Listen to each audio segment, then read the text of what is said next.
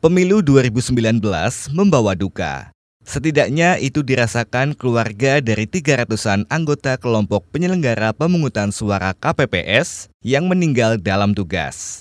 Kebanyakan dari mereka meninggal akibat kelelahan karena bekerja selama 24 jam non-stop saat pemungutan suara 17 April lalu. Berikut laporannya. Mas Nun berusaha tegar ketika menceritakan bagaimana ia harus kehilangan suami tercinta, Abdul Rohim. Abdul bekerja sebagai anggota kelompok penyelenggara pemungutan suara atau KPPS di TPS 42 Jati Bening, Bekasi, Jawa Barat. Akibat kelelahan, Abdul mengalami sesak nafas dan bengkak di kedua kakinya. Dokter mengatakan Rohim mengalami lemah jantung Padahal menurut Mas Nun, suaminya semula dalam keadaan sehat. Hari hari Kamis tuh bilang sesak nafas, terus dia rasa lemes.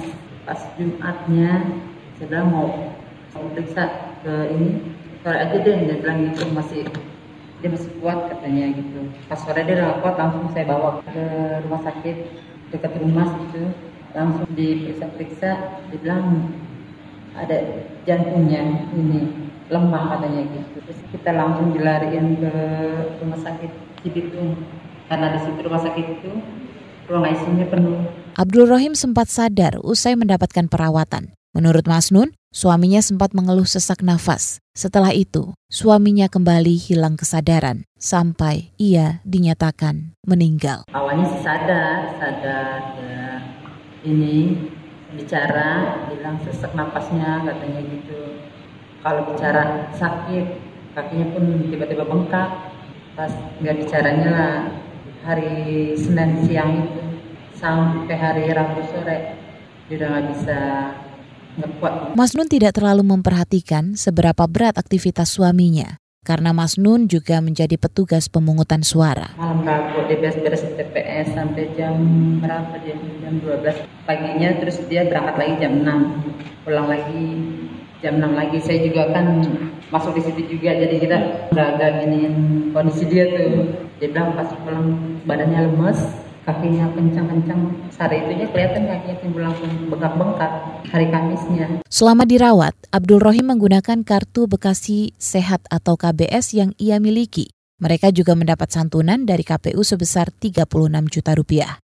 Selain ada yang meninggal, lebih dari 2.000 petugas KPPS menjalani rawat inap karena sakit akibat kelelahan. Salah satunya Tursina Maya, perempuan usia 42 tahun ini bertugas sebagai kepala KPPS di TPS 46 Tanjung Priok, Jakarta Utara. Ia mengalami sesak nafas, pening, dan lemas setelah bekerja 24 jam non-stop untuk penghitungan. Di hari pertama hari Rabu itu, saya menjadi KPPS mulai jam namanya sudah saya sekitar selesai penginputan itu sekitar jam 11.30 sekitar pukul 03 pagi saya rekam suara ke PPK Kecamatan. Saya tiba di rumah itu uh, sekitar 24 jam saya itu kerjanya tidak tidur Beratnya agenda pemilu tidak hanya menelan korban jiwa anggota KPPS. Anggota polisi yang sudah teruji di lapangan juga ikut menjadi korban. Juru bicara Mabes Polri, Dedi Prasetyo mengatakan setidaknya ada 22 anggota polisi meninggal saat bertugas. Sebagian besar karena kelelahan. Yang gugur sudah 22 orang. 5 karena sakit.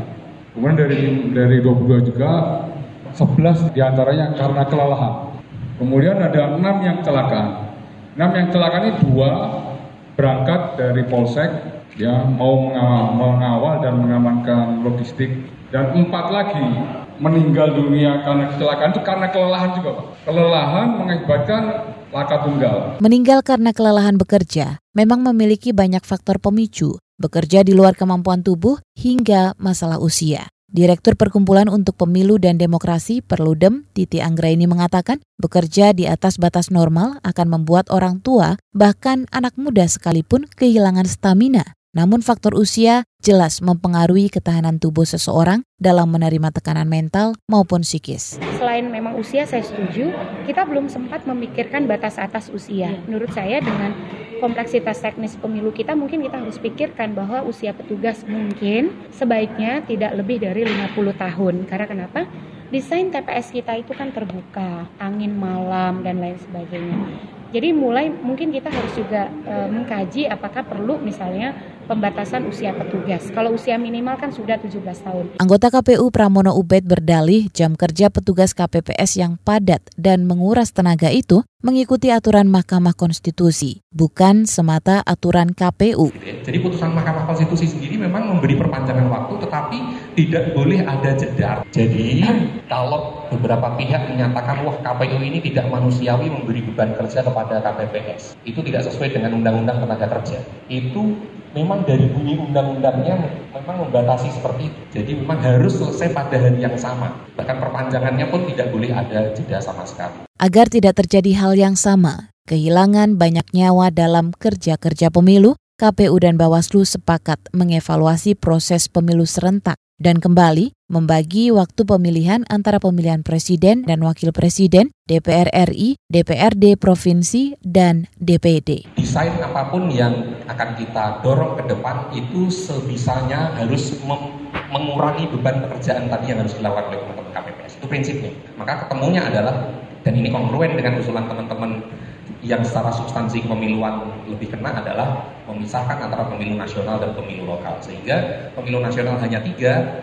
presiden, wakil presiden, DPR RI, dan DPD RI, dan lokal adalah e, gubernur, bupati, e, eh, DPRD provinsi, dan DPRD kabupaten kota. Sehingga beban pekerjaannya itu terbagi betul-betul. Laporan ini disusun Dwi Rainjani, saya Nurika Mana.